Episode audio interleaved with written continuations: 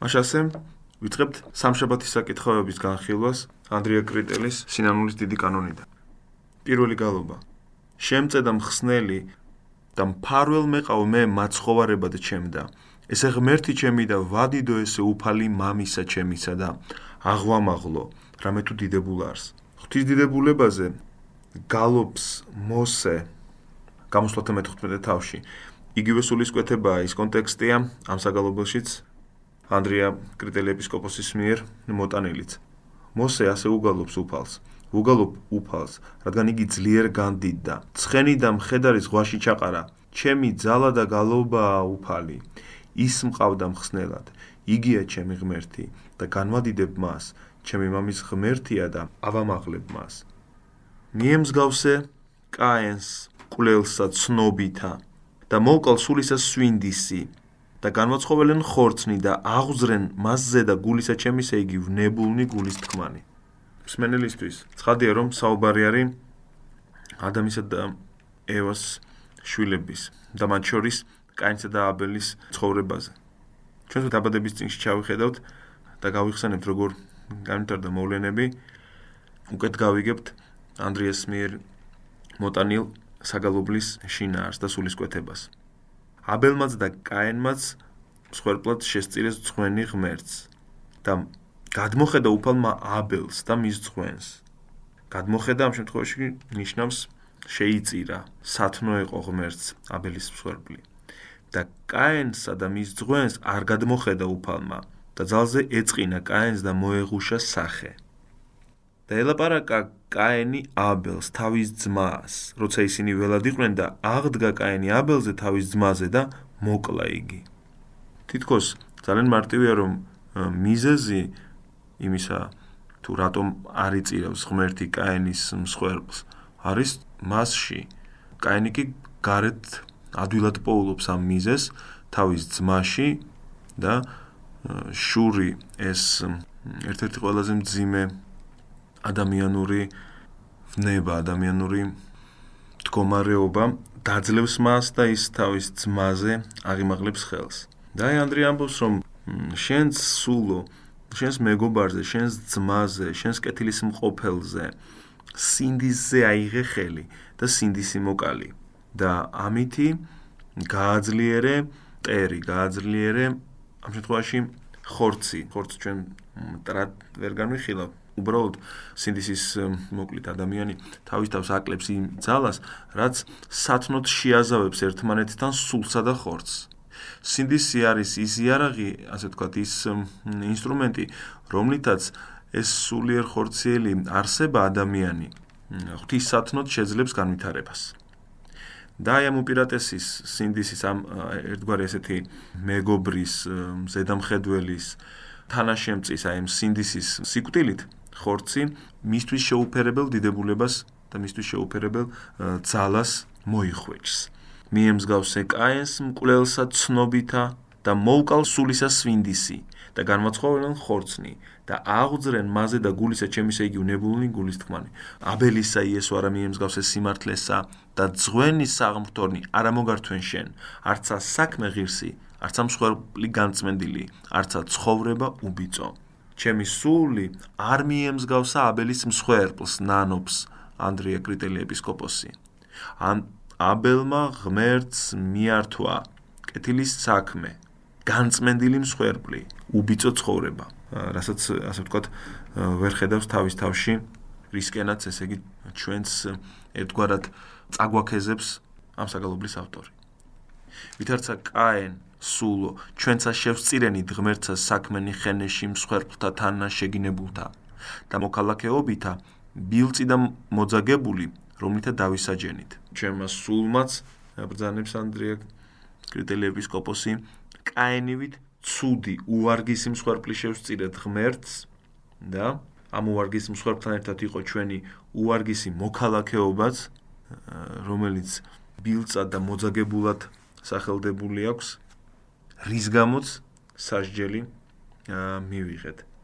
ცხოველად შემძილე თიხა ხელოვანთ მთავარმან მეკეცემან ხორცად და ძვალად სამშვენელად და სულად არამედ ჰოიმხსნელო ღმერთო და მსაჯულო ჩემო მონანული შემიწყალე თუ დაბადების ციგნის მეორე თავის მეშვიდე მუხლს მიუბრუნდებით აქ წავიკითხავთ და გამოსახა უფალმა ღმერთმა ადამი კაცი. მიწის მტვერისაგან და შთაბერა მის ნესტოებს სიცოცხლის სუნთქვა და იქმნა კაცი ცოცხალ არსებად.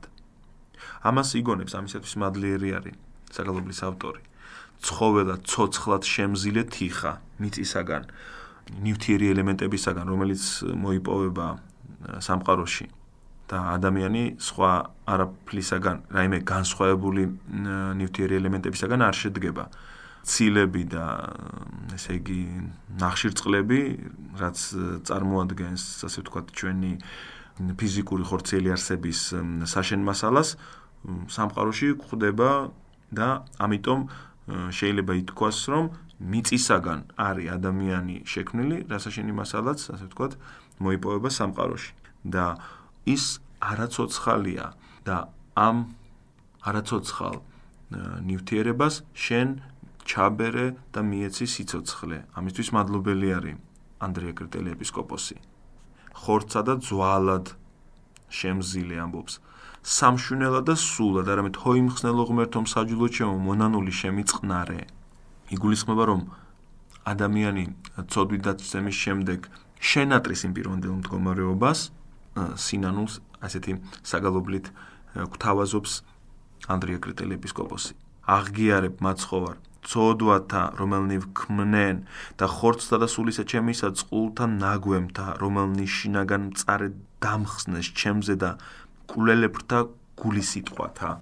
ამ ლოცვაში კულელებში იგულისხმება ლუკა מחარებლის სახარებაში მოტანილი ავაზაკები, როდესაც მოწყალე სამარატელის იგავიდან ახსოვს ჩვენს მენელს ერთი კაცი წერს ლუკა מחარებელი მიდიოდა იერუსალიმიდან იერიხონს და დაეცნენ ყაჩაღები ტანსაცმელი გახადეს დააჭრეს და წავიდნენ და ის კი ცოცხალ მკვდარი მიატოვეს აი მეც ასე ცოცხალ მკვდარი ვარ მიტოვებული და ნაგვემი ჩემი შეწოდებებისაგან ბრძანებს საგალობლის ავტორი. აღგიარებ მაცხოვარ ცოდვათა რომელნი ვქნენ და ხორცთა და სულისა ჩემსა წყულებათა ნაგვემთა. სულიც ნაგვემია, სულიც ნაცემია, როგორც აქ იყო ნათქვამი, დაჭრილია ჩემი სულიც. და ეს ჭრილობები შინაგანად ძალას მაკლებენ, შინაგანად მასუსტებენ მე. და ამ ჭრილობების მომყენებელსაც სწორედ ეს ქონდა მიზნად. და ამას ნანობს ანდრია კრიტელი. რაღაცა თუ სწოდე მხსნელო, არამედ უצყი, რამე თუ ტკბილ ხარ, მოწყლავ თანალმობით და კურნებ წყალობით. ტირალსა მიხედავ და უძღებსა შვილსა ყვალა შეიტკო ვითარცა ღმერთი. ხოთ იმისა რომ ცოდვაში აღმოჩდი.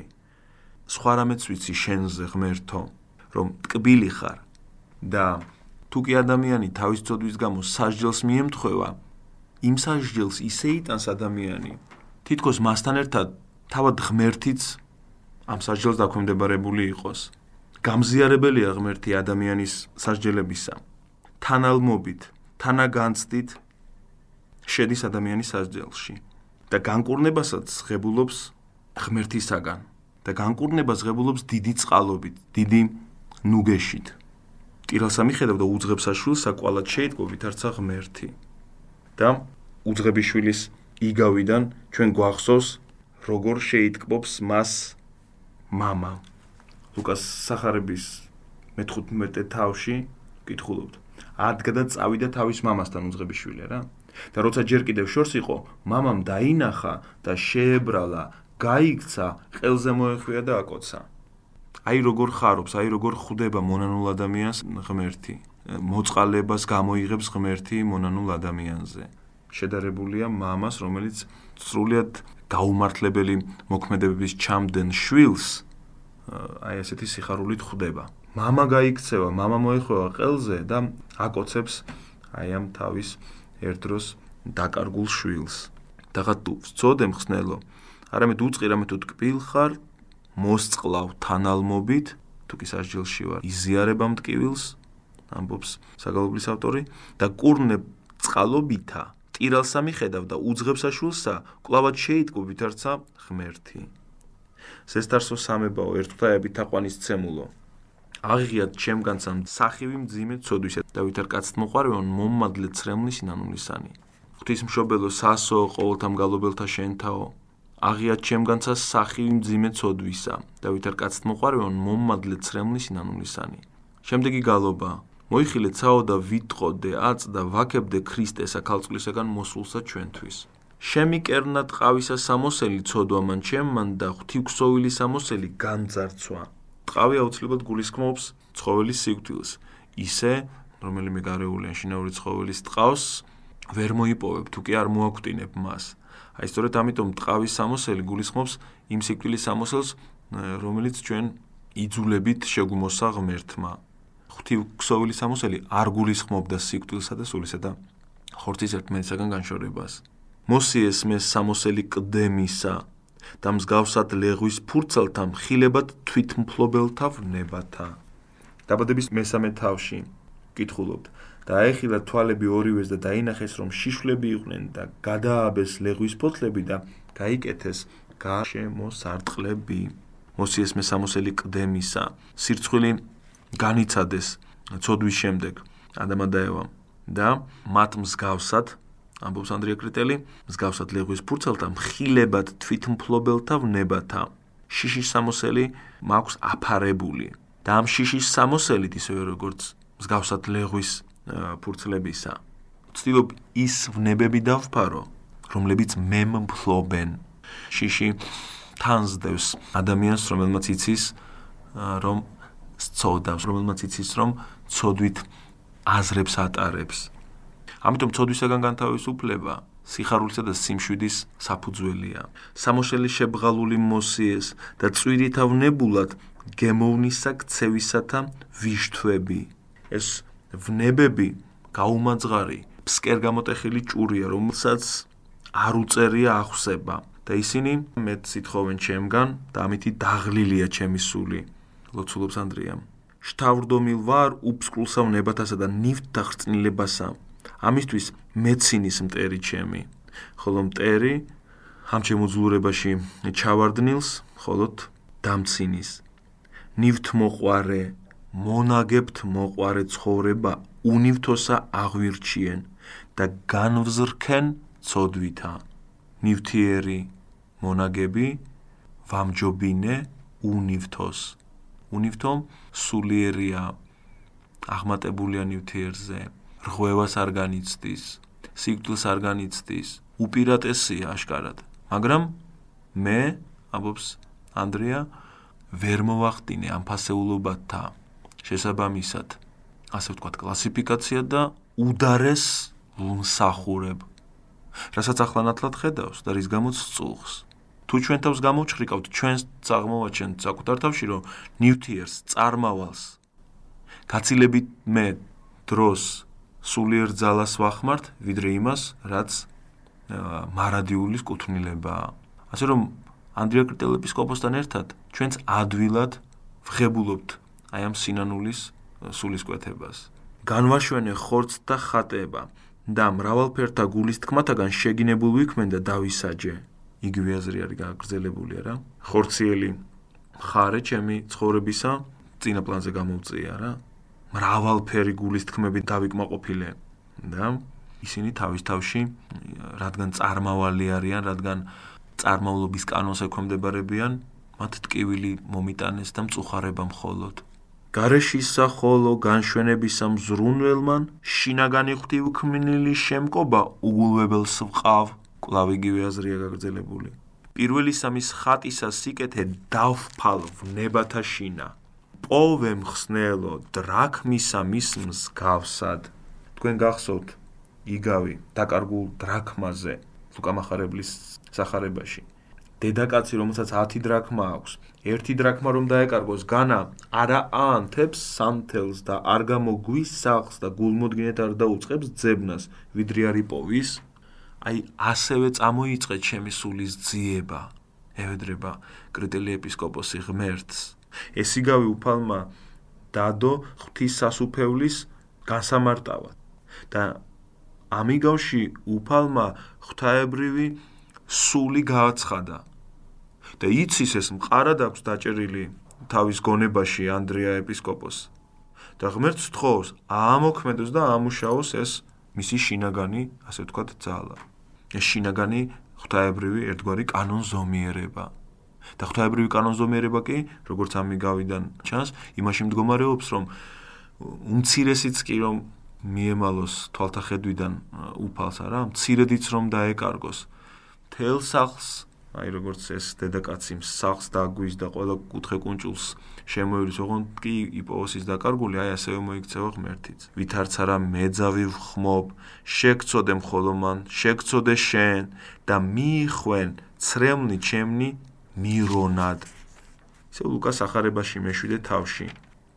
ჩვენ კითხულობთ იმ ქალაში იყო ცოდვილი დედაკაცი როგორც კი გაიგო იგი ფარისევლის სახლში ზისო მაცხოვარზე ლაპარაკი მოიტანა ნელსაცხებელი ალაბასტრონის ჭურჭლით და დადგა უკან მის ფერხთით ცრემლებით უსველებდა ფეხებს და თავისი თმებით უხოცავდა.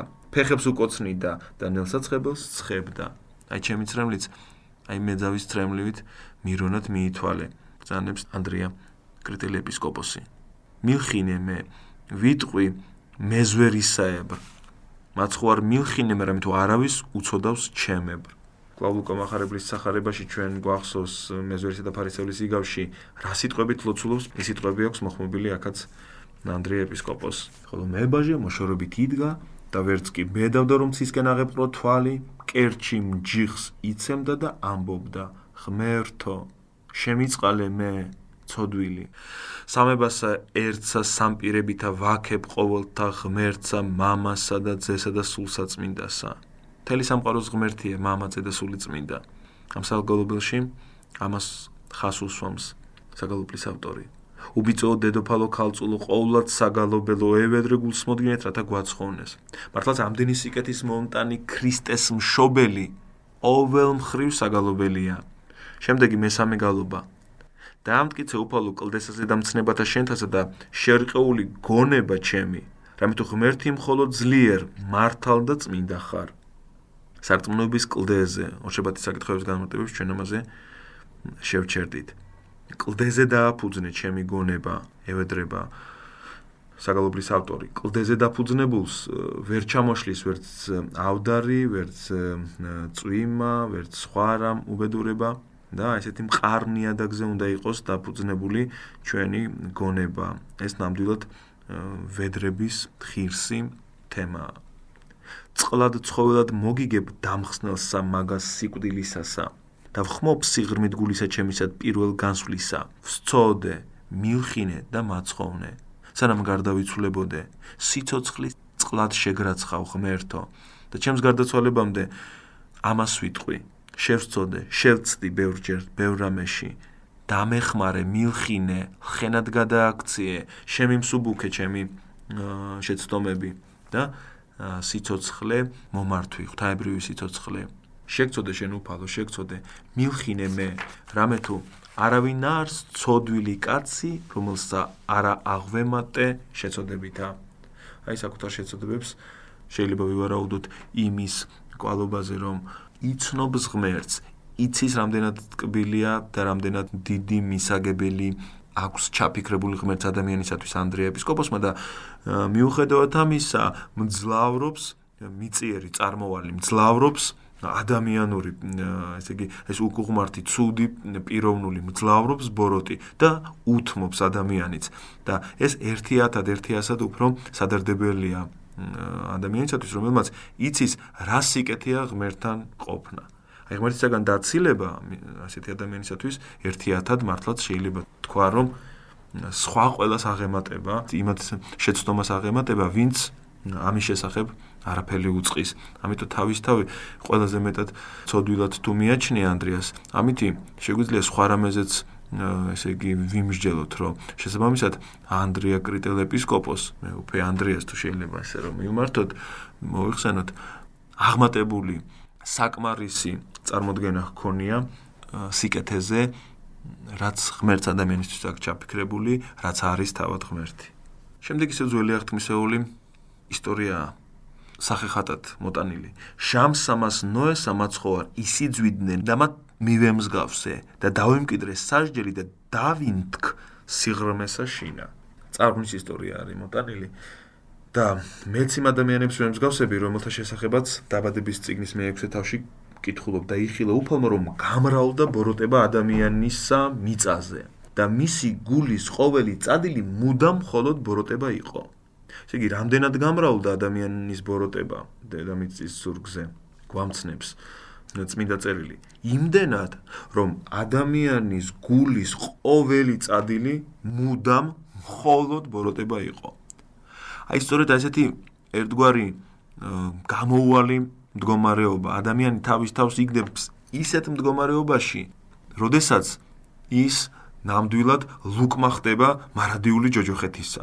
როდესაც ადამიანი მთლიანად მხოლოდ ბოროტებას უტოლდება, როდესაც მასში აღარ რჩება ადგილი იმისათვის, რომ ღმერთმა რამენაირად მისულში პოვოს თავშესაფარი და შესაბამისად მარადიულ ცხოვრებაში შეიყვანოს თუნდაც ბოროტი ადამიანის სული. როდესაც ამის შესაძლებლობა სრულიად აღკვეცილია, ასე თუ შეიძლება თქვა ღმერთს, აი მაშინ ღმერთი სხვა ხერხს მიმართავს, სხვა გამოსავალს პოულობს, ადამიანურ გადმოსახედიდან ეს გამოსავალი შეიძლება ერთგვარად მძიმე ჩანდეს, მაგრამ მარადიულობის გადმოსახედიდან ეს კლავ ადამიანისავე სასიკეთოთ არის განხორციელებული. წარღვნის ისტორია ან ძველი აღთქმისეული სხვა ასე ადამიანურად მკაცრ ან სასტიკად განხილულ ესე იგი ღვთისმოქმედებები შეიძლება შევადაროთ ასეთ რამეს. ვინმე უცხო პლანეტელი რომ წარმოვიდგინოთ რაღაც ისეთი ძალიან ზღაპრული მდგომარეობა თორემ არავითარ უცხო პლანეტელებზე საუბარი რა თქმა უნდა მართმედებელ ადამიანს ადგილი არ აქვს პრინციპში უცხო პლანეტელს მის ესე იგი სოფ აღქმაში და მის სარწმუნოებრივ აი ამ შეხედულებებში ინოპლანეტელებისათვის ადგილიც კი არ რჩება მაგრამ ისე ზღაპრულად უფრო გასაგები რო იყოს მსმენელისათვის. რომ წარმოვიდგინოთ რომ ვინმე ესე უცხო ტომელი უცხო პლანეტელი აკვირდება ქირურგს რომელიც ფატრავს და ჭრის ადამიანს ხო? აი თქვათ გულზე თქვათ ღია ოპერაციას უკეთებენ რაღაც შუმტირებას უკეთებენ ადამიანს და რისთვის ხომ ჩვენ ხომ ყველა სკარგად გვესმის რომ ამ ოპერაციის მიზანი არის ადამიანის სიცოცხლის შენარჩუნება. და ვინმე საქმეში ჩაუხედავი როგორც ვთქვით არა გვერდიდან ამ ყველაფრის დამნახავი იტყვის რომ ეს ადამიანი სასტიკად იზრჯება. ქირურგი ექიმი მას სასტიკად სჯის, იმიტომ რომ გულის ოპერაციის, აი მღია ოპერაციის, ესე იგი ან თავის ქალაზე რაიმე ოპერაციული ჩარევის დროს ქირურგი იყენებს ხერხს, აი ჩაოლებრივ ხერხს, რომელთაც თქვა აი ელექტროხერხს, რა თქმა უნდა, ხო? ნუ სანამ ელექტროხერხი იქნებოდა სხვა, შეიძლება ზოგჯერ გამოიყენოს ჩაქუჩი ან რაღაც სხვა იარაღი. წარმოიდგინეთ, როგორი ეს შეიძლება ჩვენთვისაც კი შეიძლება უცხოდ მოგვეჩვენოს და ვიფიქროთ, რომ ნაცვალგებას, შურისძიებას ხომ არ აქვს ადგილი. ცნობილში, რა თქმა უნდა, ჩვენ ვიცით, რომ მიზანი ამ დაგვარი ჩარევის, ამ დაგვარი მოქმედების არის მხოლოდ ერთი: ადამიანის სიცოცხლის შენარჩუნება. აი სწორედ აი ესეთი უკიდურესი და ერთგვარად მწვავე ერთი გადმოსახედით ერთი სასტიკი განაჩენი არის წარღნა. მაგრამ მიზეზი რის გამო ყველაფერი ხდება არის სწორედ ის რომ ყოველ მხრივ ადამიანი ბოროტებაშია ჩავარდნილი. ადამიანის გულის ყოველი წადილი მუდამ მხოლოდ ბოროტება იყო. ნახეთ აი ორი უკიდურესი. ყოველი გულის წადილი და ყოველთვის. წარმოიდგინეთ იყო მხოლოდ ბოროტებაზე ფიქრი. კაცრად განსჯის საკუთარ თავსაც კაცრად გამოიკითხავს საკუთარ სულსაც. ანდრე ეპისკოპოსი და ამბობს რომ მათ მიმემსგავსე მე. კამს მიემსგავსე სულო. მამისა ბასრობელსა და არადაფარეშენ სირცხვილი იგი მეგობრისა ორთამად მსგავსად ზურგუკან ქცევითა. აქ უკვე სხვა ძველაღთქმისეული ამბავია მოთხრობილი. ესეც ნოეს უკავშირდება. ნოე მიწყო მიწის მუშაკობა ვენახის გაშენება და შესვა ღვინო დაათვრა და გაშიშხლდა თავის კარავში და იხილა ქამა ქანაანის მამამ თავისი მამის სიშივლი და უთხრა ეს თავის ორ ძმას და აიღეს სემმა და იაფეთმა მამის სამოსელი და დაიდეს მხრებზე და წავიდნენ პირ შეკცევით და დაფარეს თავიანთი მამის სიშიშვლე და რადგან პირი უკან ჰქონდათ შექცეული, თავიანთი მამის სიშიშვლე არ დაუნახავთ. ესეთი მორიდება მოგზალება გამოიჩინეს სემმა და იაფეთმა. ხოლო კამის აქციელი კი უმსგავსოებად არის მიჩნეული. და მეც ასე სხვისი ჩემ მეგობრის ამ შემთხვევაში სირცხვილი არ დავფარე როგორც სემმა და იაფეთმა. არამედ გამოვააშკარავე და დასაცინად გავხადე ისე როგორც კამმა. ასეც აქციელს ნამდვილად სინანული სჭირდება. გასწორება სჭირდება. უფრო სრულყოფილი პასუხი და რეაგირება სჭირდება, ასე ვთქვათ ადამიანის მხრიდან. ვითარცა ლოთ ეულტოდე სულო ჩემო ცოდვითა დაწვასა იულტოდე სოდომით და გომორით იულტოდე შენ ყოვლისა აღძვრისა ვნებულისაგან. კლავ დაბადების წიგნის მე-19 თავში. ვკითხულობთ როგორც კი ინათ ანგელოზნებმა ააჩქარეს ლოტი ამ სიტყვებით. ადეკ წაიყვანე შენი ცოლი და შენი ორი ასული. აქ რომ არიან რათა არ დაიღუპონ ქალაქის ურჯულოებაში მაგრამ აყოვნებდა და იმ კაცებმა ჩაშჭიდეს ხელი მას მის ცოლს და მის ორ ასულს მათდამი უფლის წყალობის გამო. და გაიყვანეს იგი ქალაქის გარეთ. და როცა გამოიყვანეს ისინი გარეთ უთხრა გადაირჩინე შენი სული. ნუ მიიხედა უკან და ნუ გაჩერდები ამ არემარეზე.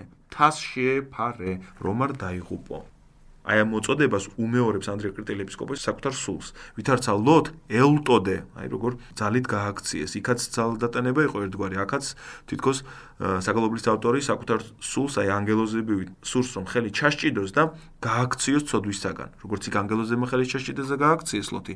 აქ ღმერთს მოუხმობს ანდრია კრიტელი ეპისკოპოსი რომ ჩასჭიდოს მის სულს და ესე ვთქვათ გააქციოს ცოდვებისაგან. ვითარცა ლოთ ელტოდე ვტოლვა ესე იგი სწრაფად რაღაცისგან გაცლა არის არა? ვითარცა ლოთ ეულტოდე სულო ჩემო ცოდვითა დაწვასა იულტოდე სოდომი და გომორით იულტოდე შენ ყოვლისა აღძვრისა უნებულისაგან შემიწყალე უფალო შემიწყალე მე რომელი ვღაღადებ შენ დამი ოდეს მოხვიდი ანგელოსთა შენთა თანა ყოველთა მიგებად საქმეთაებრ მათთა. სამებაო მარტივო დაუბადებელო დაუსაბამო ბუნებაო სამთა გვამთაშინა ცნობილო. გვაცხოვნენ ჩვენ მოსავნი სიმტკიცისა შენისანი. ჩვენ მორწმუნენი მოსავნი ვარ. ჩვენ მორწმუნეებს იმედი გვაქვს სასოება გვაქვს დადებული რომ ღმერთი უცვალებელია თავის თავში ასე თქვა თავის განზრახვებში სიკეთეში რომელიც ის არის სიყვარულში რომელიც ის მტკიცია უცვალებელია. ამის მსასოებელ ასე თქვა ერთგვარად ითხოვს საგალობლის ავტორი რომ მოგხედე გვაცხოვნე ეხა ღვთისმშობლის საგალობელი იქნება. მამისაგან უჟამოძე ჟამიერად შევ.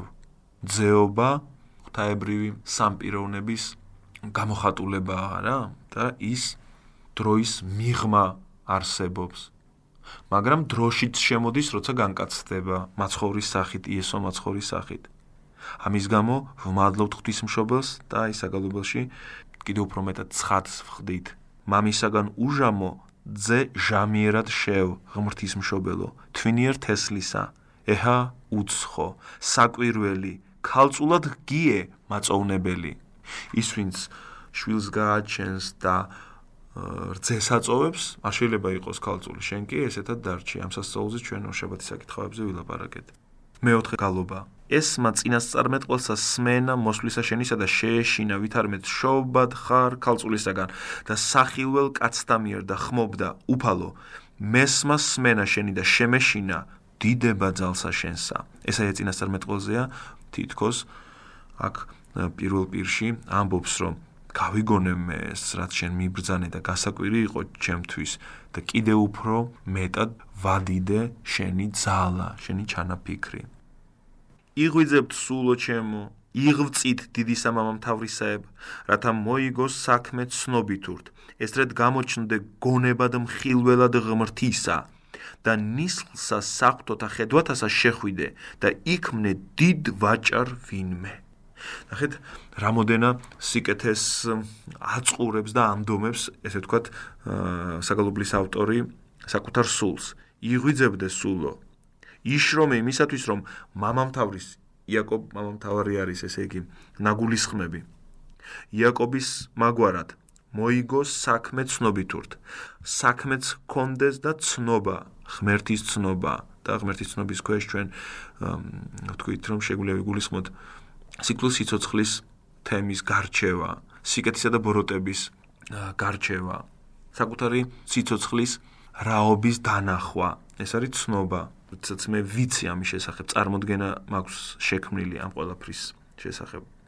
ესეც გამოჩნდე გონებად მხილველად ღმთისა.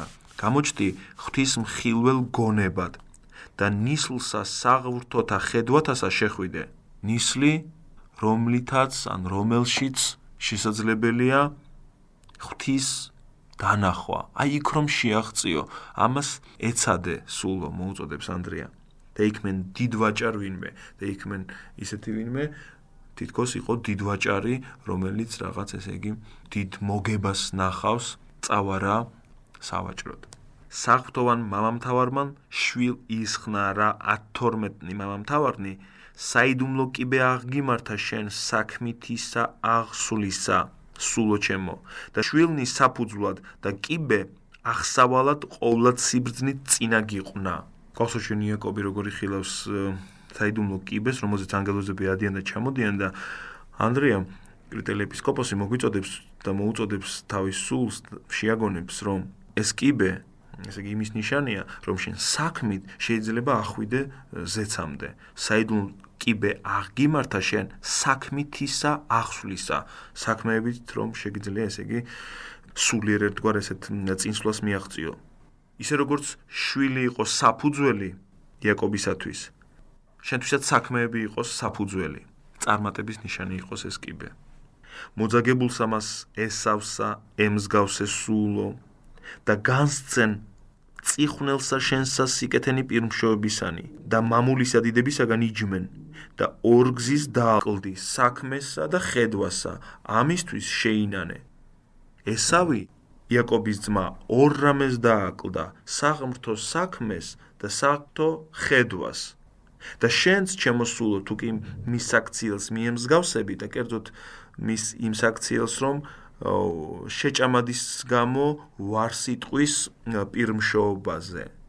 შენც თუ ესე მოიქცევი სულო, თუ ღთაებრივ მცნებებს უარყოფ და შეურაცხყოფ, ერთს კი არა, ბევრ და კერძოდ მინიმუმ ორ სიკეთეს მოაკლდები.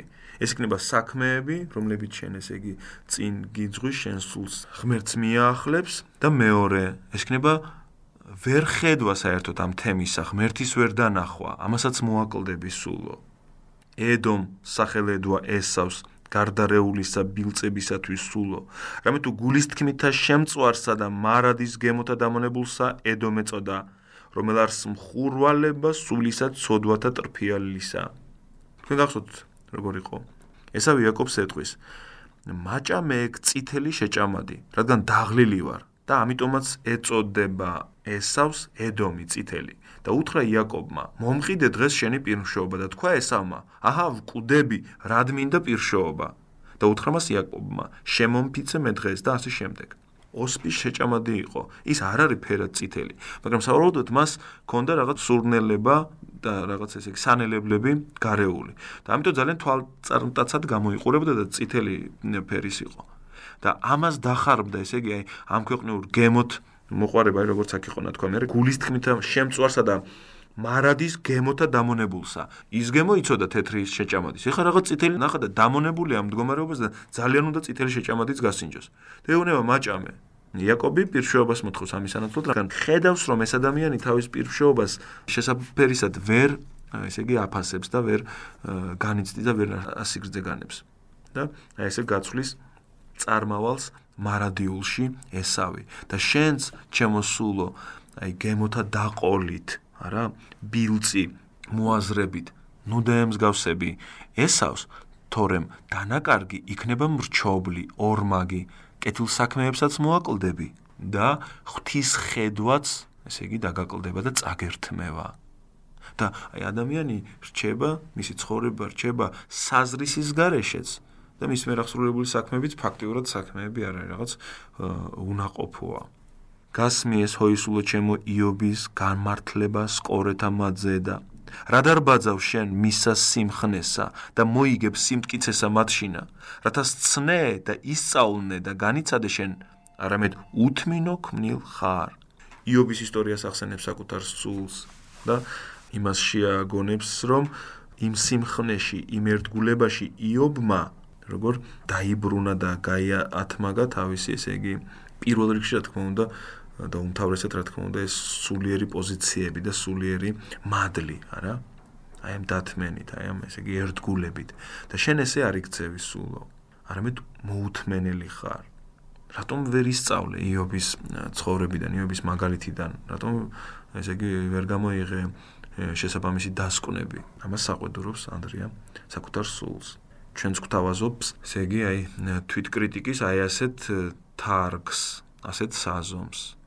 პირველ საყდართა მჯდომარე შიშველი სკორეთაზე და მჯდომარე იყო შვილმრავალი და სახე მაღალი. ყის უშილო და უცნაური იქნა, რამე თუ პალატად შეერაცხნეს მას სკორენი, ხოლო წუთხნი მარგალიტად. ესე იგი როგორ მძიმე დღეში აღმოჩნდა ის, ვინც იყო შვილმრავალი, სახელ მაღალი და ერთ წუთში მისი სიმდიდრეც გაქრა და მისი სახელიც, ესე იგი, აღარ იყო უკვე დიდებულებით შემოსილი, არამედ სკორეში აი ესე შეუფერებელ გარემოში და ადგილზე განაგრძობდა თავის ცხოვრებას, არა?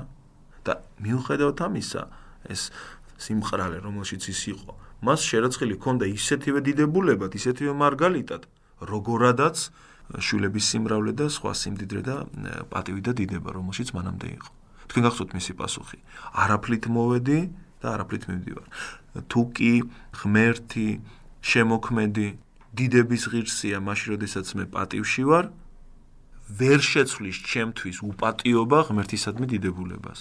აი ეს იობისეული მიდგომა ჩვენც დაკარგული გვაქვს და ანდრია განიცდის რომ ზოგჯერ ესე იგი მასაც შეიძლება თვალთახედვიდან ესე იგი გაქცეოდა ესეთი ხედვა განუყოფლად არსებითა შეურევნელად პირებითა ღვთის გმეტყველებს სამხატოვანსა ერთსა ღმრთაებასა თანამოსაყდრესა და ერთ პატივსა და დიდსა ქებასა გიგალობს სამწმინდაობით ქებულსა მაღალსა შინა აი ამ სამწმინდაობით გალობაზე ჩვენ გუშინაც ვისაუბრეთ და დღესაც შეგვიძლია გავიმეოროთ ესაიას ხილვა, რომელიც აღწერილია ესაიას ციგნის მე-6 თავში. ვიხილე მე უფალი ბრძანებს ესაი წინასწარმეტყველი ჯდომარე მაღალ და აღზევებულ ტაღზე და მისი კიდენი ავსებდა ტაძარს. სერაფიმი იდგნენ მის ზემოთ, ექვსი ფრთა ჰქონდა თითოეულს, ორი იფარავდა თავის სახეს და ორი იფარავდა თავის ფეხებს და ორი დაფრინავდა და ეძახდა ერთი მეორეს ასე: წმიდა, წმიდა, წმიდა უფალი საბაოთი. სავსია მთელი ქვეყანა მისი დიდებით. აი სწორედ ამ სამწმინდა გალობის შესახებ საუბრობს აქ ანდრია კრიტელი ეპისკოპოსი.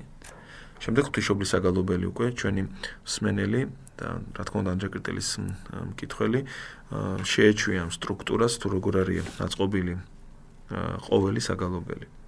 შობ და ქალწულებ უხრწნელო და ჰგიე ორ კერძოვე ბუნებით ქალწულად. შობილი განაახლებს ბუნებისა ჟულთა ესე იგი მაცხოვარი შობილი განაახლებს ბუნებით რჯულს ხოლო საშო შობს განუხრწნელად რამე თუ წესთა ბუნებისათა ძლევს ღმერთი და ყოფს მას რაცა ენებოს. ჩვენი ბუნების ჯული სიკვდილში მდგომარეობდა ჩვენ ჯულით, ესე იგი ადამიანური ამ მოწყობით, გარდავიცვლებით და გარდაცვალება და სიკვდილი თავის თავში არ გულისხმობს ავტომატიურად აღდგომას, არა? სიკვდილი მძიმეა, როცა იცი რომ ეს სიკვდილი.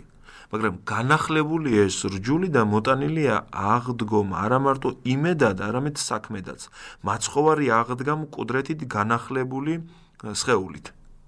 და პირობად დადო და ზუსტად ვიცით რომ ასეთივე აღდგომა ელის მთელს კაცობრიობას. შობილი განაახლებს ბუნებისა წესსა, ხოლო საშო შობს განუხრწნელად, ხოლო ღვთისმშობელმა შვა ისე რომ ამას ზიანი, ესე ვთქვათ, მის შეულისათვის არ მიუყენებია რა. და რატო ხდება ეს სწავლად? ეს გასაკვირი ამბავი შემდეგი რამეა, ბრძანებს ანდრია კრიტელი ეპისკოპოსი. ღმერთია ის და ბუნების წეს ძლევს ფლობელობა აქვს, შეუძლია დაძლიოს ერთის შეხედვით წესი, რომელიც ბუნებაშია გაბატონებული. იმიტომ რომ ღმერთია და მოქმედებს იმას, რაც ნებავს. ღმერთი სიცოცხლე ნებავს. ღმერთი ვერ ეგუება, ესე ვთქვათ, ადამიანის სიკვდილს. მეხუთე საგალობელი. ღამიდგან ვიმსთობ შენ და კაცთმოყარე. განმანათლე მოქენე და მიძღოდე მე ტკბილო მცნებათა შინაშენთა და მასწავლე სახიერ ქმნა ნებისა შენისა. ფსალმუშიც ვკითხულობთ ჩვენ. ღმერთო ღმერთო შენდამი აღვიცთობ სწურიან შენდამი სულსა ჩემსა აი იგივე სიტყვებით სწრაფადზე წამოდგომად სწრაფადვე შენთან მხოლოდ შენსკენ მომიჩქარი ამბობს. ანდრია კრიტელი ეპისკოპოსი. 118 სალონშიც არის გამოაჩინე პირი შენი მონისა შენისა ზედა და მასწავლე მე სიმართლენი შენი. აქაც ამ საგალობელში ზუსტად ასე არის ნათქვამი მასწავე სახიერ ქმნა ნებისა შენისა. შემდეგ კიდობანი მოსესი გესმა სულო ვითარ მიმოაქვნდა დინარისა ღელვათა და ვითარ საზძლოთა შინა იშვებდა და განერა მწარესა ბრძანებასა. გვახსოვს როგორ გადარჩა მოსე წინასწარმეტყველი ფარაონის ბრძანებას.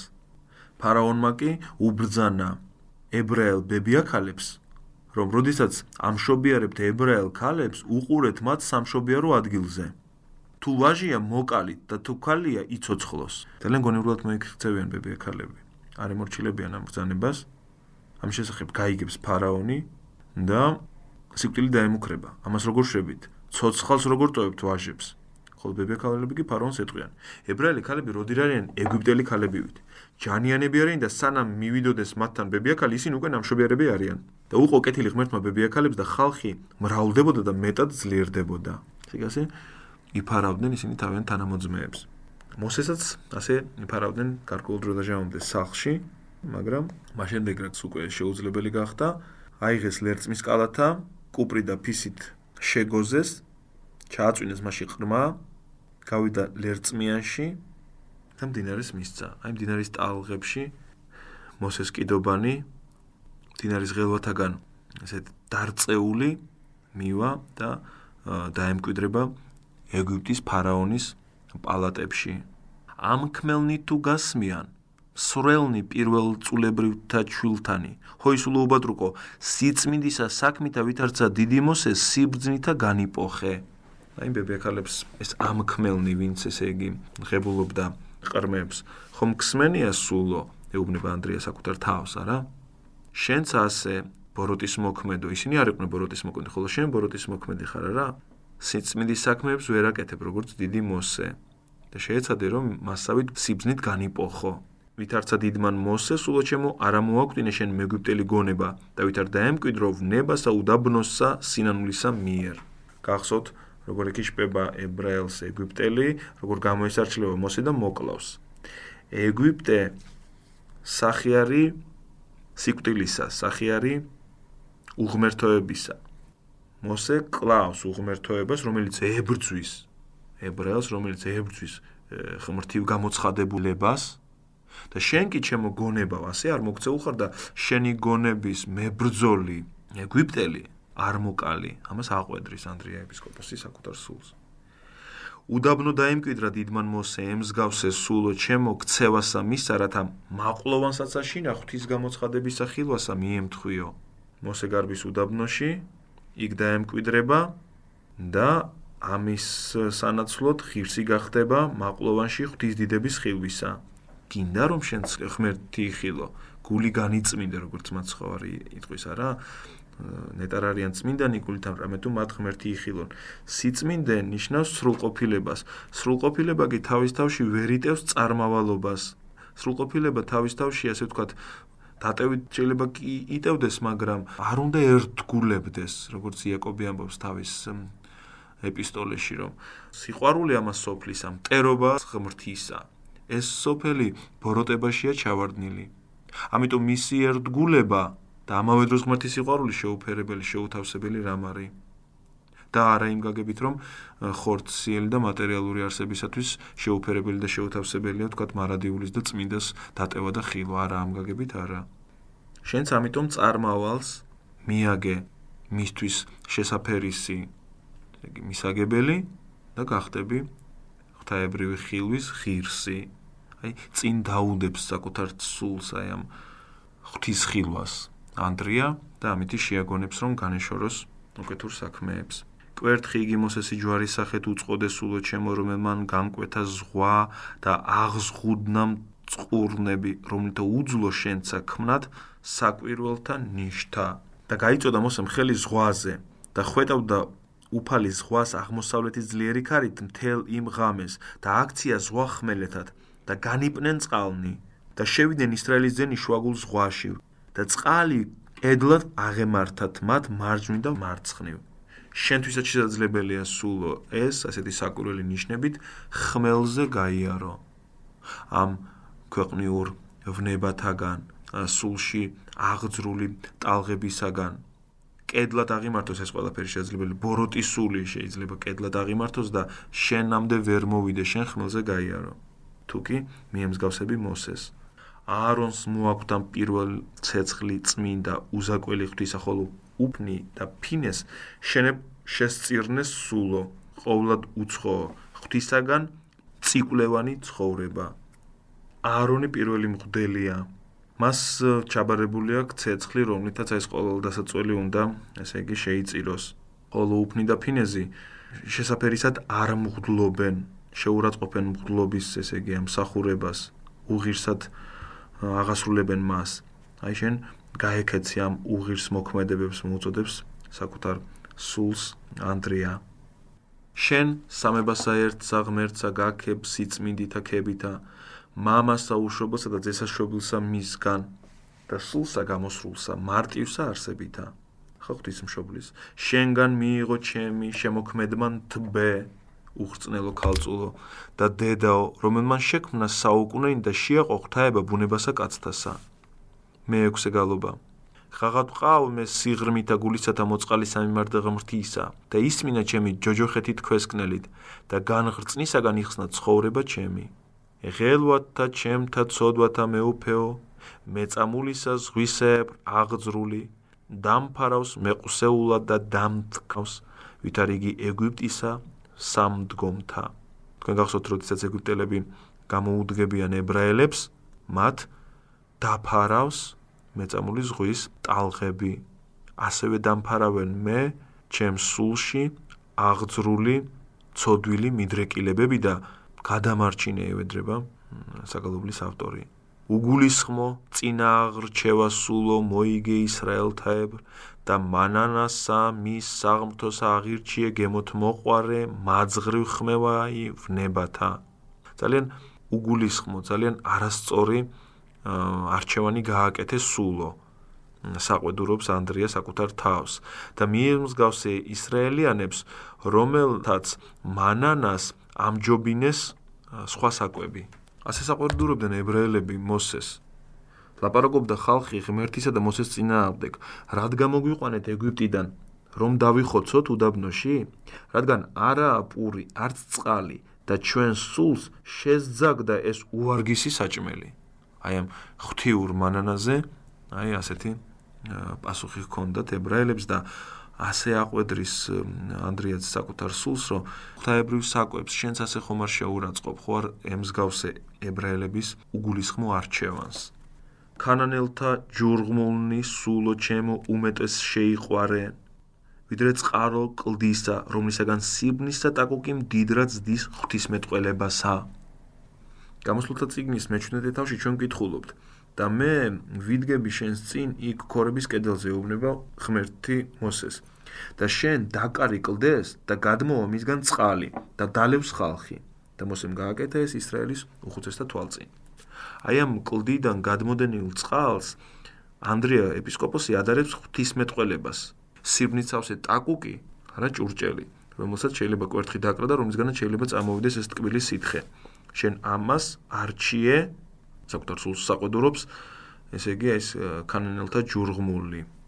ეშთა ხორცნი სიავნი და ჭამადნი მეგვიპტელებრნი ჰოისულო ზეცისა და მათგან აღირჩიენ ვითარცა უგულისხმომან ერმან პირველ უდაბნოსა ასევე ისრაელიანები ასე ეუბნებოდნენ მოსეს ნეტო უფლის ხელით გამწყდარიყავით ეგვიპტის ქვეყანაში, როცა უსხედით ჩვენს ხორცის ქვაბებს და ძღომაზე ვჭამდით პურს. აჰა, გამოგვიყვანეთ ამ უდაბნოში, რომ მთელი ეს კრებული შიმშილით გაწყვიტოთ. აი ესე იგი, ხორციან საჭმელს დანატრებულები არაფლად აგდებენ იმ დიდ გამოხსნას, იმ დიდ სასწაულს, რომელიც მოახდინა ღმერთმა მოსეს ხელით.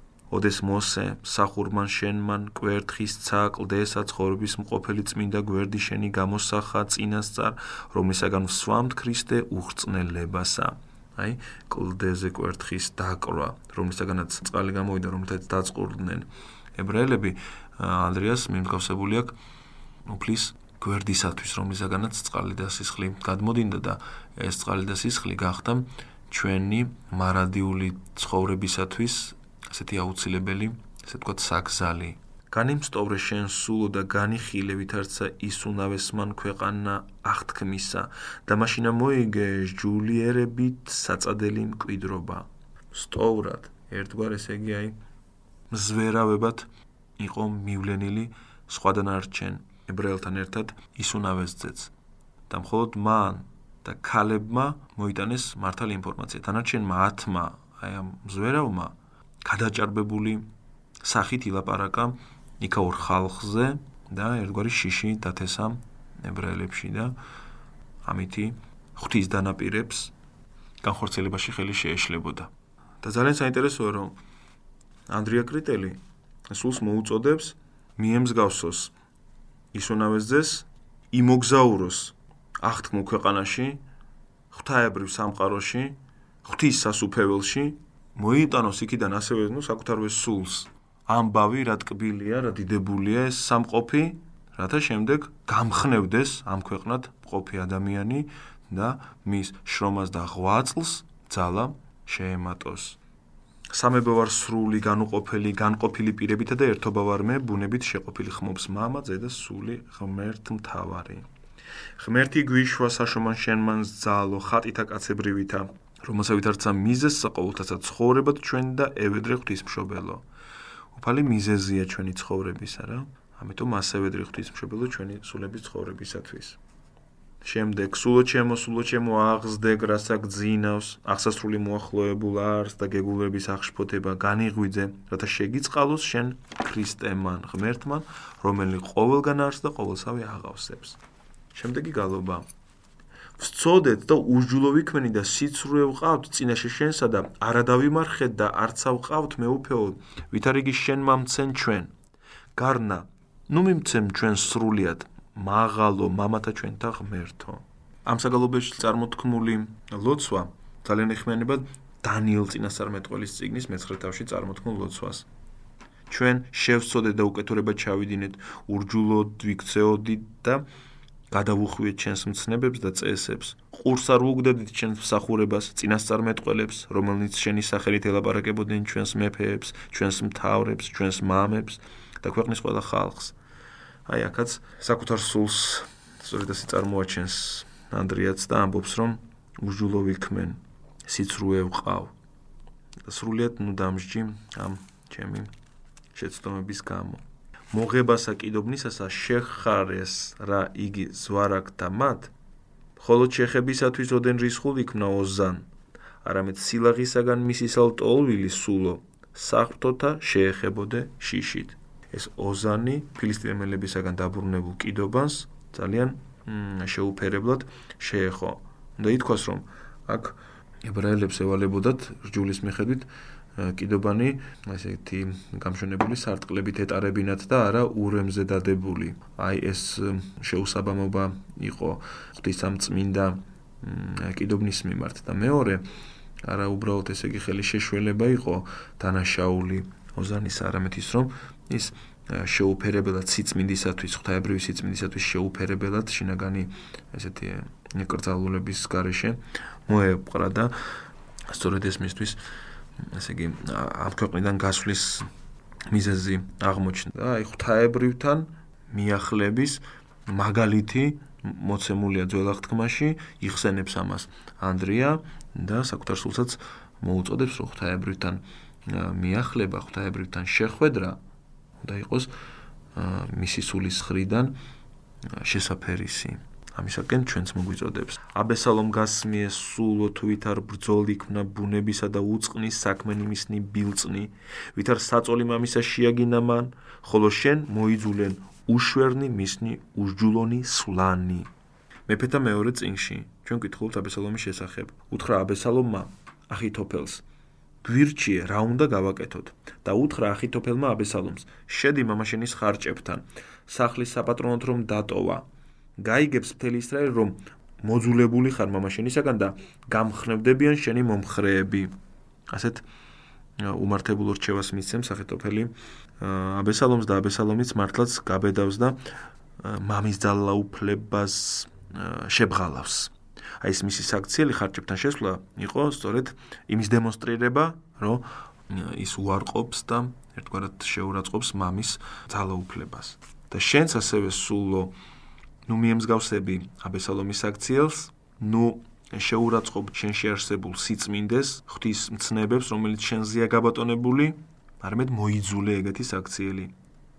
თავრებრივი პატივი შენი დაამონე სულო ხორცთა შენთა ისევე ამაზე არის მწუხარება გამოთქმული, რომ ის რაც ღმერთისგან იყო მოცემული და უპირატესი იყო, ეს დაამონე ხორციელს. რამე თუ სხვათ აკიტოფელად პოვე მტერი და ერთი ზრახვათა მისთა. შენც აკავს აკიტოფელი მრჩეულად, რომელიც სწორედ ესე უმართებულ რჩევებს გაძლევს, ამბობს ანდრია კრტელი ეპისკოპოსი საკუთარ სულთან საუბრისას. არამედ დახსნა იგი თავად მან ქრისტემ, რათა წყალობით გაცხონოს შენ. მაგრამ ქრისტემ დაამხო ის ბოროტი მრჩეველი, ბოროტი სული და შენ კი, ესე იგი, ხსნა და შველა მოგემადლა. საკვირვემან ბრძენმან სოლომონ, ვრცელმან ფრიად სიბრძნისა მადლითა, ვრცელი ძალიან დიდი სიბრძნე ჰქონდა მას. წინაშე ღმრთისა ოდესნე ქმნა ბოროტი და განდგა, რომლისას შემდგომსა მას უშვერსა ცხოვრებასა ემსგავსა. სულო დახსნილი ცევა შენი, აი მის შემდგომ სოლომონის შემდგომ დახსნილ ცხოვრებას ემსგავსა სულო შენი, ასე იგი ცხოვრებაც. სოლომონზე ჩვენ ვკითხულობთ. აჰა, მომინიჭებია შენთვის ბრძენი და გონიერი გული ბრძანებს უფალი. ისე რომ შენი მსგავსი არც შენამდე ყოფილა სადმე და არც შენს შემდეგ გამოჩდება შენი მსგავსი. ხოლო სოლომონის უკეთურება კი შემდეგში მდგომარეობდა. და სიბერის ხანს მიდრიკეს სოლომონის გული მისმა ცოლებმა უცხო ღმერთებისაკენ და ისე წრფელი არ იყო მისი გული უფლისადმი როგორც დავითის მამამისის გული. და დადიოდა სოლომონი ციდონელთა ღმერთის ყაშთორეთისა და ყამონელთა სიბიულწის მილქომის კვალზე. და ბოროცაკეთებდა სოლომონი უფლის თვალში და ისე არ ერთგულებდა უფალს როგორც მამამისი დავითი. მაშინ აუგო სოლომონმა სამსხვერპლო ქემოშს მოაბის სიბილწეს მთაზე იერუსალიმის პირდაპირ და მოლოქს ყამონის ძეთა სიბილწეს აი შენს სულო არ გაიზიარო ესე იგი სოლომონის სიბერის დროინდელი ესეთი განდგომა შეაგონებს საკუთარ სულს ანდრია კრიტელი ეპისკოპოსი. გემოთაგან დამონებული და უნებათაგან წარე ტყვექმნილი ჰოიმე ტრფიალი სიბრძნისა ტრფიალი ქნა მეძავთა. კლავსოლომოზე ლაპარაკი უცხო ღვთისაგან სულო და გაუუცხოვდა ღმერთს, რომლისას შენ მიემსგავსე გონებითა მედგარსა ბილწებასა. შენც მიმსგავსებული ხარ ამ სოლომონს, როდესაც მედგარი გონებით, აი თქვათ, არუშებ შენში სიმდაბლეს, არუშებ შენში ღვთის სიტყვას. რობოამის მსგავსად მამულნი განზრახვანი შეურაცხყვენ, ხოლო ბოროტისა მის მონისა იერობოამისაებრ განდგომილი იქმენ. ჰოისულო ელტოდე მსგავსებას ამასა და ხმობდი, სწოდე შემინდვე ღმერთო. რობოამის შესახებ მესამე მეფეთაში ჩვენ გვახსოვს სოლომონის შვილის შესახებ როგორ არ დაუგდო მან ყური ხალხის თხოვნას შეამსუბუქებინა ხალხი და როგორ კაცრად მოეპყრო მათ და ამ კაცმა მოპყრობამ ხელი შეუწყო იმას რომ ებრაელთა სახელმწიფო ორ ნაწილად დაიყო შემდეგ. ამის შემდეგ იერობოამს გაამეფებენ ისრაელში და ცალკე დარჩება იუდასა და ბენიამინის შტო რაც შემდეგ რა თქმა უნდა ისრაელის თელებრალი ხალხის ცხოვრებაზე მძიმედ აისახა სულო შენ კი ეუტოდე მათ მსგავსებას მოუწოდებს ანდრია. საკუთარ თავს ნუ იქნები უგუნური ნუ იქნები გულფიცხი ხო? მარტივი და განუყოფელი თანაარსა თაყვანისცემული ქებული წმინდათა მიერ ნათელი და ნათელი სამწმინდა სამება ღმერთი ცხოველი და ცხოველნი ადიდე სულო და ერთხთაებად მონე კლავსამების საგალობელი ყვა ღვთის მშობლისა. გიგალობ ჩვენ თაყვანის გცემ ჩვენ და გაკურთხებ ჩვენ ღვთისა. დედაო რამე თუ ერთი წმინდისა სამებისა შეw ქრისტე. სამპიროვანი ღმერთის ერთ-ერთი იპოსტასი შენ შეw ის ხსნა შენ შეw ღმერთის სრული ჭეშმარიტი და შენ განმიხვენ ჩვენ ქვეყანისა და შესავალნი ცათანი. ქვეყანიდან ზეცაში შესავალი კარი შენ გაგვიხსენი. მერვე საგალობელი რომელსაც ძალნი ცათანი აქებენ და ძრწიან მისგან ქერუბიმ სერაბიმნი ყოველი აღგებული ყოვლით სულითურთ ზნობდი და უფროსად აღამაღლებთ უკონისამდე. ღმერთს ყველაზე აღმატებული მადლობა შეეფერება. ბრძანებს აქ ამ საგალობელში მისი ავტორი. ოზიას მიმსგავსებით ჰოის სულო მრჩობლ გაქვს შენ შორის კეთროვანებაცა მისი ბილწთა საქმეთა წურთითა და ურჯულოთა ქმნითა დაუტევენ ესენი და შეიტკბეს სინანული. ბილ საქმეებში. წვრთნით. აი წარემატება ადამიანი იმაში რომ სულ უფრო და უფრო დახელოვნდეს ასე თქვა რაღაც შეუფერებელი ცხოვრების წესი დამკვიდრებაში არა? აი წვრთნა ბილ საქმეთა წვრთნა არა? და ურჯულოების ქმნით. მიემსგავსე ოზია მეფეს. დაუტევე ესენი და შეიტკვეს სინანული ოზია მეფე კეთრით დაისაჯა. მიუხედავად იმისა რომ მისი მეფობის პირველ ხანაში ღვთის მოშიში და ღვთის სათნო ცხოვრებით ცხოვრობდა. იმის გამო რომ გადიდგულდა აი თავის დასაყუპავად შესწოდა უფალს თავის ღმერთს რადგან შევიდა უფლის ტაძარში საკმევლის საკმევლად სამსხვერპლოზე. წინ გადაულგნენ მეფე ხუსკიას და უთხრეს შენ არ გეკუთვნის უფლისათვის კმევა არამედ მღვდლებს აარონის ძეთ რომელიც კმევლებად არიან ნაკურთხნი გამოდი საწმიდრიდან, რადგან შესწოდე და პატივად არ ჩაგეთვლება უფლისაგან შენი ღმერთისაგან. აი, თითქოს ეს მეფე იუდეველთა მეფე არა, რომელიც წარემატარა სამხედრო პოლიტიკურ რაღაც ასპარეზზე, ეხლა ფიქრობს თავისთვის რომ ღვთის სახურებაშიც ერთგვარად უნდა დაწინაურდეს, ერთგვარად უნდა მას კონდეს უპირატესობა. მღვდლები შეაგონებენ, რომ სამღვდელო საქმე მღვდლის აღსასრულებელია. მიუხედავად შენი წარმატებულებისა, ეს დიდგულებად შეგერაცხება. ნუ ჩაიდენ ამას. ეს არ იქნება შენთვის, ესე იგი, სასიკეთო. ის ყურად არიღებს ამ შეგონებას, შევა, აკმევს და ამის გამო მთელი ცხოვრება, ესე იგი, კეთრით დასნებულდება. შენ ორმაგი კეთროვანება გაქვს, ეუბნება ანდრია კრიტელი საკუთარ სულს. ოზიას მიმსგავსებით აღვისულო მჩობრ გაქვს. შენ შორის კეთრონებაცა მისი. ბილწი საქმეებიც აგაქვს ბილწ საქმეებში იწვრთნები ესე ვთქვათ და ურჯულოებას ჩადიხარ. დაუტევე ესენი. იმას კეთილი საქმეები მაინც ქონდა და მე ესეთი ამპარტავნების გამო ესეთი რამ დაემართა. შენ კი კეთილი საქმეები არა გაქვს ხოლო. ეს სიბილწე მეორე გახლავს თან. აი ამ ყველაფერს თავი დააღწიე სულო. უწოდებს ანდრია გასმიეს ნინეველთა შევრდომა ღვთისა ძაძითა და ნაცრითა სულ რომელთა არა ბაძავ არამედ გამოჩნდები უძვირეს ყოველთავე პირველთა და შემდგომთ ჟულისათა ნინეველები გახსოვთ როგორ იწამებენ ღმერთს გამოაცხადებენ მარხვას დიდიან პატარიანი ჯვალოში შეიმოსებიან. აი სულო შენც ასე მოიქეცი. წვირი შეუჟულოს ჯურღმულსა შინა გასმიეს სულო სიონისათვის იერემია გოდების სამთხზველად და ცრემთა მაძიებლად. მიემსგავსე ტირილი ცხოვრებას სამისა და ცხონდე მალაკიოფლის წული დილეგში ჩასვამს. იერემია წინასწარმეტყველს სადაც წყალი კი არ არის არამედ აი სწორედ მწვირია და ტალახია. და შენს მიემსგავსე იერემიას სიწმინდეს აი ამას მოუწოდებს სულს.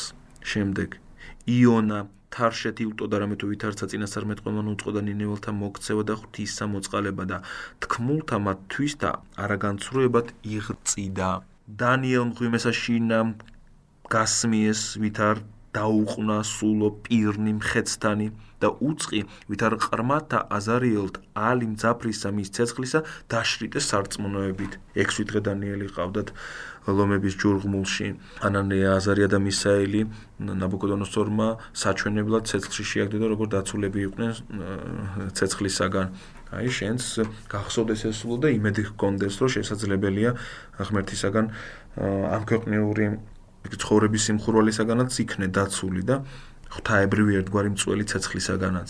ამხნევებს სულს ანდრია კრიტელი ეპისკოპოსი ძველი საახთქმისანი ყოველნივე სახედ მოგართვენ სულო, რათა ემსგავსო სამართალთა საკებელსა საქმისა და ელტოდე ხენეშსა მას ბილწა, ცოდვასა და უკეთურსა.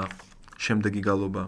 უთესლოთ მიდგომილი შობს ზესთა თარგმანებისა, უმამო დედა მუსლად იღებს უხრწნელად, რამეთუ ღვთისაშობას ცვალებს ბუნებისა წესთა. ღმერთის დაბადება ცვლის ბუნებით წეს. ამისთვის შენ ყოველნი ტომი ღვთისას ძალო და დედაო დაუდუმებლად გადიდებთ. როცა ვხედავთ რომ შენ ამ ყველაფრის განხორციელებაში წვლილი მიგიძღვის ჩვენ მადლიერებით ვივსებით. ამბობს ანდრია კრიტელი ეპისკოპოსი. ქრისტე განიცდებოდა ხოლო ეშმაკი განსდიდა ქვათა რქვა მას რათა პურად შესცვალნეს. თად აღიყვანა იგი ხილვად წამსაშინა ერთსა მეფობათა ქვეყანისათა. ძრწოდე სულო და მარადის მღვიძარე შემწეიყოფთ ღმერთსა. შენც გახსოვდეს ეს სულო რომ თუ კი ქრისტე განიცადა შენ შეიძლება განსაცდელები გეწვიოს და მხოლოდ ღმერთს თუ მოუხმობ და ღმერთის ესე იგი შემწეობი თუ შეიძლება განსაცდელებიდან გამოსვლას. გრიტმან უდაბნოსამან ხმამან ღაღადებისამან იონათლის ფსემლზეა საუბარი ადულად მიხვდებოდა ჩვენი მსმენელი. ქრისტეს სანთელმან ქადაგა სინანული ხოლო იროდი უღმერთო იქნა იროდიეის თანა. იხილე უბადრუკო სულო აი დატანჯულო დაღლილო სულო ნახე ეს გაიხსენე ეს ყველაფერი. და ნუ დაეცემი შენცა არამედ შეიტკბე მოქცევა. შენ მოისურვე ამ ყველაფრისაგან ესე იგი განრიდება და ამ ყველაფრის საწინააღმდეგო საპირისპირო მოქმედებები არა? უდაბნო დაიმკვიდრა მადლისცა წინამორბედმან და სამარია იჰურიასტანისთან აშემოკრბებოდეს მისდა და ესრეთ აღუარებდეს ცოდვათა და ნათელს იღებდეს. არამედ შენ სულო ჩემო არაოდეს მიემსგავსე მათ. იოანათლისწემელთან უდაბნოში მიდიოდა მთელი სამარია ჰურიასტანია რა ნათლისღებისათვის შენ კი სულო ეგეთი რამე არ მოგიმოქმედებია შენ არის სწრაფი სულის ესე ვთქვათ გასაწმენდად ქორწილი წმინდა არს და საწოლი შეუგინებელ. რამე თუ ქრისტე ორგზის აკურთხა იგი. ხორცით არა ისერა, ანუ მივიდა იქ სადილზე და მისრულმან ქოლწისამას ღვინოთ შეცვალა წყალი. და ესე პირველად ნიშნა დაჩვენა, რათა შენცა შეგცვალო სულო. აი აქ ძალიან მნიშვნელოვანი მუხლია ესა და საგალობელი. ესე იგი როგორ დაყო როგორ იპოვა ანდრია კრიტელმა ეპისკოპოსმა აი ამ პატარა ეპიზოდში რომელიც იან სახარებაში არის მოთხრობილი რომ ორმაგი კურთხევა იპოვა. ერთი იმითი რომ მივიდა გასაგებია რომ ადამიანის მისვლა ადამიანის დასწრება და მონაწილეობა რაიმე მოვლენაში უკვე გულისხმობს ერთგვარ ესე იგი თანამონაწილეობასა და ერთგვარ მოწონებას ამ მოქმედებისა რა მისვლით ღმერთმა აჩვენა რომ მოსაწონი საქმეა ქორწინება. მაგრამ მეორე ნიშანიც არის. კერძოდ რა ხინი კი არ ჩაშალა, ხინს წინააღმდეგობა კი არ გაუწია, ასე ვთქვათ, არა, როდესაც შემოაკლდა ამ ხინს ღვინო. არამედ პირიქით, წყალი შეუცვალა ღვინით. ხელი შეუწყო ამ ხინის გაგრძელებას, რითაც რა თქმა უნდა, ხაზგასმით დაადასტურა, რომ ქორწინება რჯულიერი საქმეა. რა თქმა უნდა, მახალ აღთქმისეული იგავის გარდა, ჩვენ ძველ აღთქმაშიც გვახსოვს ღმრთის კურთხევა ინაყოფიერეთ და გამრავლდით, არა? მიატოვებსა და კაცი დედას და მამას და შეეყოფა ცოლს და ორივე ისინი ერთ ხორცს იქნებიან. აი ეს კურთხევა, რა თქმა უნდა, გრძელდება. და აი ამ ქორწინების კურთხევის ხაზგასმასთან ერთად ანდრია გვთავაზობს სხვა რამეს, რომ წყლის ღვინოთ შეცვლა სახედ გქონდეს იმის სახეთ, რომ წყლით ადამიანი გულს ვერ გაიმხიარულებს, რამდენიც არ უნდა სვას წყალი, არა? რაღაც ერთგვარად უნაყოფო ამ გაგებით, ხო? რაღაც შედეგი არ აქვს წყალს, ხო? აი შენს გახსოვდეს, რომ შეიძლება შენ წყალი უნაყოფო შენი ცხოვრება გახდეს სიცოცხლის, სიხარულის მომცემ ცხოვრებად გარდაიქცეს. შენ ეს წყლის ღვინით შეცვლა გაძლიერებდეს, ნიშანს გაძლევდეს ადამიანო სულო, რომ შესაძლებელია შეიცხოვრება შეიცვალოს. აღმღებელი ცხედრისა განრღოული შეამტკიცა, ხოლო ჭაბუკი მომკვდარი აღადგინა ძექვრივისა დედისა და ყვალად ასის თავისა. სამარიტელს არა ეზრახა, სულიერი მსახურება წინასწარ დაგისახა სულო. ესე იგი? სამარიტელს თუ დაელაპარაკა მაცხოვარი შენს მსახურება სულიერი ვალდებულება გაქვს რომ გახვიდე და ქადაგო და მიიტანოს სხვამდე ესე იგი ეს ქრისტეს მართალი სარწმუნოება. წიდოვანი განკურნა შერეეხო ფესვსა მისა და კეთროვანი განწმინდა და ღრეკილი და ბრმა განმარტნა და განანათლნა ხოლო ყრუნი და უტყვნი და დაღონებულნი სიტყვით განკურნო უფალმან რათა შენცა გაცხოვნოს სულო თუ კი მათ შეეწია რა შენს შეგეწევა. ეხა სამების საგალობელი. მამასა თაყვანს მცემთ ძესა უფროსა თაღვამაღლებთ და სულ საწრფელსა სარწმუნოებით ვაკებთ. სამობასა პირებით და ერთობასა არსებით ვითარცა ნათელსა და ნათელთა და ცხოველსა და ცხოველს მყოფელსა ყოველთასა. ამინ ვაკებდეთ ღმერთს და გავაგრძელოთ მომავალში ოთხშაბათის საკითხავები